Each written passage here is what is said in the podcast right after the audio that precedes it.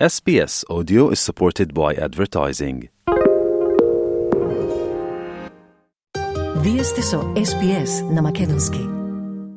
Во Страсбур се одржува редовната сесија на парламентарното собрание на Советот на Европа, за нас исклучително значајна сесија, затоа што ќе се разговара за европската перспектива на Западниот Балкан.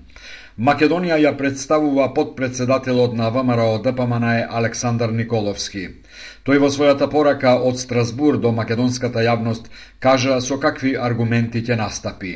Многу значајно целокупната Европа да застане позади Македонија и да подржи почеток на преговори со Европската Унија без никакви дополнителни условувања од страна на Бугарија. Промената на уставот кое што го бара Бугарија и на кое што за жал се согласи капитуланската влада на СДСМ и ДУИ е директно задирање во внатрешните работи на Македонија и не смее да е услов за почеток на преговори со Европската Унија. Николовски додаде дека Македонија долги години чека да ги почне преговорите за членство со ЕУ. Тоа е неправедно затоа што првин Грција ја блокираше Македонија со своето вето, а сега тоа го прави Бугарија. Бугарија го прави на најлош можен начин, оспорувајќи го македонскиот национален идентитет, македонската засебност, културата и историјата, како и самобитноста и постоењето на македонскиот јазик. Тоа не се вредности што се признати во Страсбур и во Брисел, рече Николовски.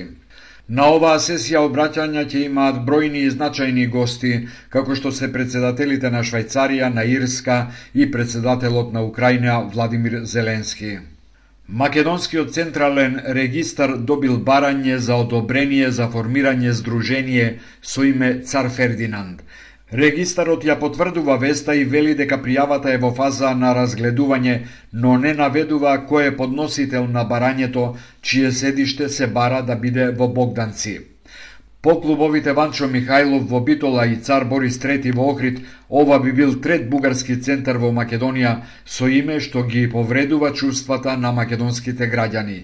Историчарот Митко Панов за медиумите изјави тоа е некоја тенденција која што на некој начин се претендира да се поврзе историјата на Бугарија со, со Македонија, односно Фердинанд и Борис III се символ на окупацијата на, на Македонија. Очигледно дека тука има некаква политичка димензија, во секој случај символиката е таа. Председателот Пендаровски за истата телевизија синоќа кратко ја искоментира ситуацијата. Некои од здруженијата се формирани пред три години последново е формирано пред една година. И не е возможно кога ние почнуваме скрининг процес и отвараме процес на преговори, генерално после 17 години, тоа да биде баш случајно. Министерството за правда пак соопштува дека се уште нема добиено барање од Централниот регистар за мислење за формирање здружение со име Цар Фердинанд, врз кое веднаш ќе треба да се состане споменатото тело. Во недостиг на нов закон за здруженија, владата го повтори ставот дека бугарските клубови треба да избегнуваат имиња што ги повредуваат чувствата на македонските граѓани. ММФ на Македонија ја одобри кредит од 530 милиони евра за буџетски потреби. Од овој износ оваа година на располагање Македонија ќе има 110 милиони евра, соопшти Министерството за финансии. Парите ќе се искористат за финансирање на буџетските потреби и за полесно соочување со шоковите што ги донесе енергетската и ценовната криза. Министерството коментира дека со ова ММФ испраќа силни позитивни сигнали за домашната економија на меѓународните пазари и до инвеститорите. Во сообштението не е наведена каматата по која ќе се враќаат овие пари. Премиерот Димитар Ковачевски вчера јавно изјави дека се подготвени нови мерки за поддршка на стопанството кое едва и преживува во тешките економски услови.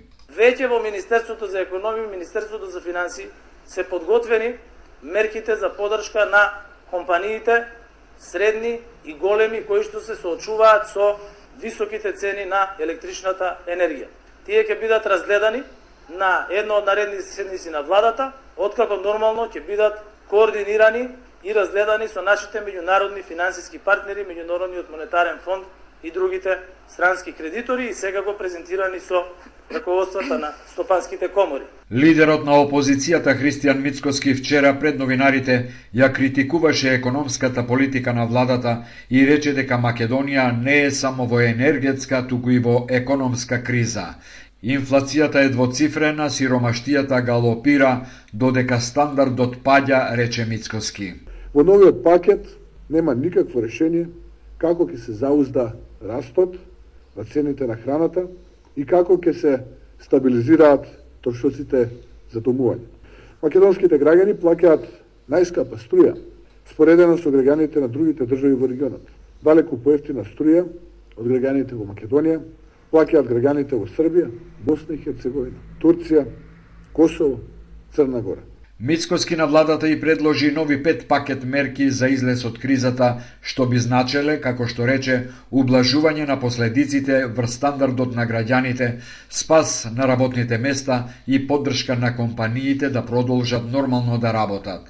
По овој настап на Мицкоски се јави СДСМ со писмена реакција во која вели дека доделувањето на кредитот од 530 милиони евра на Македонија е големо признание за економската политика што се спроведува во земјава, бидејќи ММФ овој финансиски инструмент го одобрува на земји со здрава економска политика, се вели во реакцијата на СДСМ. Антикорупцијската комисија нема да се занимава со предметот наречен од страна на опозицијата Броило, во кој премиерот Ковачевски се товари за наводна злоупотреба на службената положба во корист на фирма во која порано има удели, но ќе се проверува комисијата што ги доделувала тендерите на неговата поранешна фирма и на фирмата на неговиот кум. Антикорупционерите не гледаат основа за отворање на предмет против Ковачевски, затоа што тој својот удел во фирмата го продал кога стапил на функцијата. Председателката на комисијата Билјана Ивановска за неколку медиуми ја даде следнава изјава. Од аспект на премиерот не гледаме а, елементи, затоа што анкетниот, во анкетниот систем е објавено, нема допирни точки со фирмата, меѓутоа дали фирмата ги исполнувала условите или не, тоа е работа после. Христијан Мицкоски пак изјави дека се надева органите да бидат поажурни. И се надевам дека многу сериозно ќе му пристапат на овој случај, затоа што многу внимателно ќе го следиме.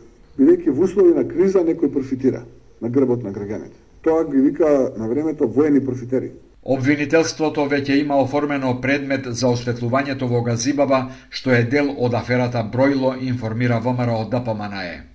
По повод големиот празник 11 октомври, денот на Сенародното востание против фашистичкиот окупатор, почнато на денешен ден 1941 година, председателот Стево Пендаровски одликува 13 мина великани на македонската народна и изворна песна со медал за заслуги. Тоа се Анка Гиева и Виолета Томовска, а постхумно Пеце Атанасовски, Никола Бадев, Мирвет Беловска, Ајри Демировски, Васка Илиева, Вања Лазарова, Кирил Манчевски, Тале Огненовски, Кочо Петровски, Александар Сариевски и Јонче Христовски. Во говорот на свечената церемонија председателот рече дека одликуваните уметници ги посветија своите животи на промовирање на музиката, која е суштински елемент на македонскиот идентитет, но за жал македонската држава од својата независност три децении не се сетила да им оддаде достојна почит. Сакате ли да чуете повеќе прилози како овој? Слушате подкаст преку Apple Podcasts, Google Podcasts, Spotify или од каде и да ги добивате вашите подкасти.